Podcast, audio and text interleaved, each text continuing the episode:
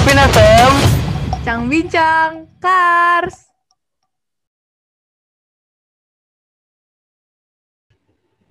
Hai semuanya, balik lagi di Safin FM episode 4. Hari ini pembawa acaranya ada Tanaya yang cantik jelita dan Derin yang kece. Dek, hari ini kita bawa bintang tamu yang bener-bener mantep banget. Siapa sih bintang tamunya? Coba dong ngomong. Hai, kenal nggak ini suara siapa? Enggak, kan lu pendatang baru ya. Siapa sih yang kenal? Iya. Ini Astrid. Hai teman-teman. Astrid ada banyak. Lu jangan ngerasa nama lu spesial. Sembilan, jelasin. Astrid kelas 9. Oh, Rosa Astrid Damayanti. Ya. Sebelum kita mulai, kayaknya lebih baik nanyain kabar kali ya. Gimana kabarnya, Ros? Eh, Tit. Bosen sih di rumah. Gak ada kerjaan ya. Ya nggak, Nay? Ada sih gue. Lu aja emang. Ya Kan emang aja. gak ada kesibukan. Ya oke oke. Jadi sekarang itu tanggal 28 April 2021. Yeay! Emang tanggal du- 20 berapa nih? 28 April 2021 memperingati hari apa, Tit? Hari ini tuh kita memperingati Hari Puisi Nasional. Apa apa aja sih yang bakal di- dibahas di podcast kita kali ini? Kita bakal bahas penulis puisi yang terkenal di Indonesia siapa sih? Terus eh, karyanya, abis itu penyair-penyair puisi yang lain, terus makna puisi, macam-macam pokoknya segala hal tentang puisi. Ya nggak? Iya, iya. Yoi dong. Nah, tadi kan salah satu topiknya ada yang kayak penulis puisi gitu kan. Nah, Kak Astrid tahu nggak sih kayak salah satu penulis puisi yang terkenal di Indonesia?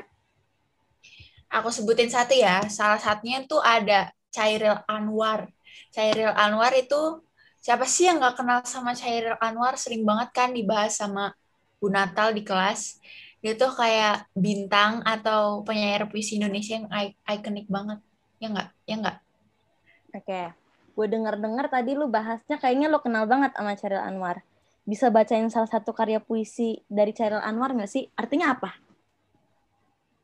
Jadi salah satu puisi yang terkenal tuh judulnya Aku. Sampai dipajang di kota Leiden di Belanda. Puisinya tuh maknanya itu tentang tentang tentang wujud kesetiaan dan keteguhan hati atas pilihan kebenaran yang diyakini Chairil Anwar. Lalu tentang keberanian dalam berjuang meskipun banyak resiko yang akan dihadapi, termasuk kehilangan nyawa atau terluka karena senjata musuh. Dan yang terakhir, maknanya itu adalah semangat yang tak pernah padam dalam pada kalimat akhir puisi tersebut. Perlu dibacain nggak? Nggak usah ya. Panjang ya. Eh tapi Hmm. boleh sih, Tit. Biar ada artinya gitu podcastnya.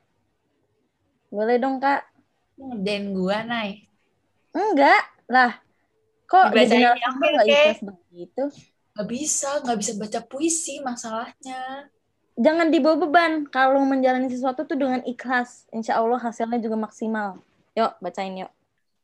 Kalau sampai waktuku, ku mau tak seorang kan merayu. Tidak juga kau. Tak perlu seda, tak perlu seduh sed- sedan itu. Aku ini binatang jalang. Dari kumpulannya terbuang. Biar peluru menembus kulitku, aku tetap meradang men- menerjang. Luka dan bisa aku bawa berlari. Berlari. Hingga hilang pedih perih. Dan aku akan lebih baik tidak peduli. Aku mau hidup seribu tahun lagi. Oh, wow. Tangan dong. Wow. Nah, kan tadi ya, Ros? Tadi gue denger itu sampai kayak nyampe ke tulang sumsum. Gue kayak, oh wow, gitu. Eh maaf ya Derin, kenapa kenapa kenapa? Tadi mau bicara apa? Maaf maaf maaf. Nah, kan tadi apa puisinya kayak udah dibacain gitu kan. Nah, kira-kira manfaat dari puisi ini bagi bangsa, bangsa Indonesia apaan sih? Terus kayak kelebihan dari puisi ini yang katanya kan puisi ini kan terkenal banget kan. Nah, kelebihannya apa yang bikin kayak puisi ini terkenal? Kalau menurut aku, manfaat dan juga kelebihan puisi bagi bahasa Indonesia sih itu bisa mengembangkan pengetahuan, kemampuan, ide, dan ekspresi baik dari masyarakat maupun penyair-penyair yang udah ada di Indonesia.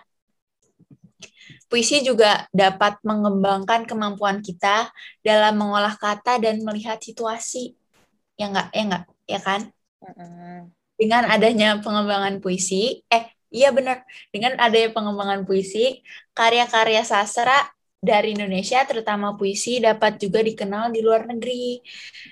Biar kayak, oh walaupun puisi ini asalnya dari Yunani, tapi puisi-puisi dari, dari Indonesia juga nggak kalah keren dari aslinya. Jadi intinya dapat bersaing gitu deh. Ya nggak? Iya, mantep banget deh. Kayak salah Kece, satu kece. apa namanya tuh eh, hasilnya si puisinya si Chairil Anwar bisa nyampe ke luar negeri.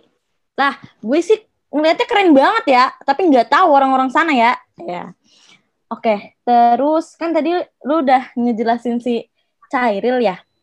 Gue mau mengorek lebih dalam. Lu taunya Chairil doang, yang ada di teks doang, apa lu tahu yang lain? Coba dong Bebas. sebutin penulis puisi yang lain. Ada si Bapak W.S. Rendra, terus ada Mantep. Afrizal Mal Malna, abis itu ada Sapardi Djoko Danamo. Hmm, ya lumayan lah. Ya lumayan lumayan. Gue sih nggak berharap lu bisa menyebutkan tiga ya, walaupun itu juga gue pikir lu cuma bisa nyebutin si Chairil doang. Berarti lu udah mantep juga sih pengetahuan tentang puisinya.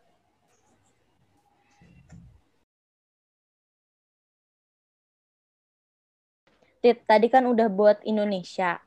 Sekarang gue mau nanya deh, maknanya puisi buat kita semua tuh apa sih? Terlebih lu kan di sini lu narasumbernya ya. Gimana ya, tuh? kece. Jadi, puisi menurut gua itu adalah sebuah karya sastra di mana gaya bahasanya ditentukan oleh irama dan penyusunan kata dalam baris atau bait dalam puisi tersebut. Buat puisi tuh kayak nggak bisa deh sembarangan. Dan para ahli atau penyair puisi itu punya makna tersendiri atau makna yang dalam terhadap puisi yang dia buat. Dalam memahami dan mendalami puisi yang kita dengar atau buat itu kan butuh penghayatan ya. Misalnya kayak kita belajar di sekolah itu pas diajarin Bu Natal tentang puisi kan kita harus mendalami dan tiap orang pasti punya makna beda-beda terhadap puisi yang sama ya nggak? Pastinya iya dong maka dari itu puisi itu indah karena seninya ada di penghayatan tiap-tiap orang yang pastinya beda-beda. Jadi tergantung penangkapan orangnya menghayati puisi tersebut. Begitu dari saya. Ih Rosa, jawabnya lancar banget. Kan? Baca apa gimana tuh? Udah disiapin ya Ros? Masa gue spontan sih? Oh, Kayak berarti disiapin ya? Puisi. Gak ada salahnya udah disiapin. Hmm. Kan tadi katanya tuh kayak eh, salah satu penulis puisi terkenal di Indonesia kan Chairil Anwar kan. Nah, kira-kira Kak Astrid tuh tahu nggak sih apa kisah hidupnya Chairil Anwar atau kayak cuma tahu namanya doang gitu? Tahu dia, cuma tahu ininya doang deh. Ya udah tunjukin, tunjukin. Ya udah, jelasin. Dia itu eh jadi kan hari puisi itu diperingati tanggal 28 April karena untuk mengenang wafatnya si Chairil Anwar itu. Dia meninggal tanggal 28 April, ya iya hari ini maksudnya. Tahun 1949. Dia meninggalnya usia 26 tahun, masih muda banget.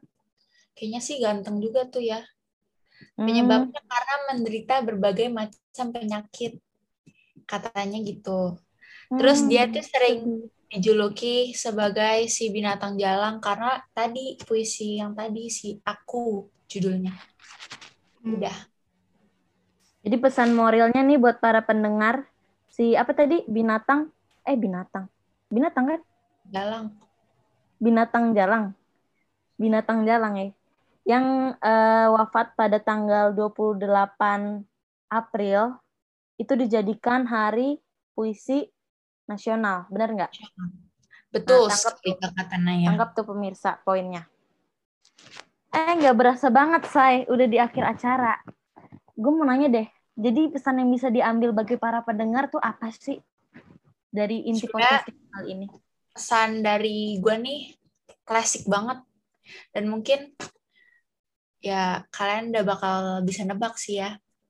Jadi intinya kita sebagai generasi muda harus dapat mengembangkan kemampuan dan meneruskan karya-karya penyair pendahulu kita agar dapat bersaing dan memajukan Indonesia di dunia internasional maupun nasional agar puisi dari Indonesia semakin dikenal.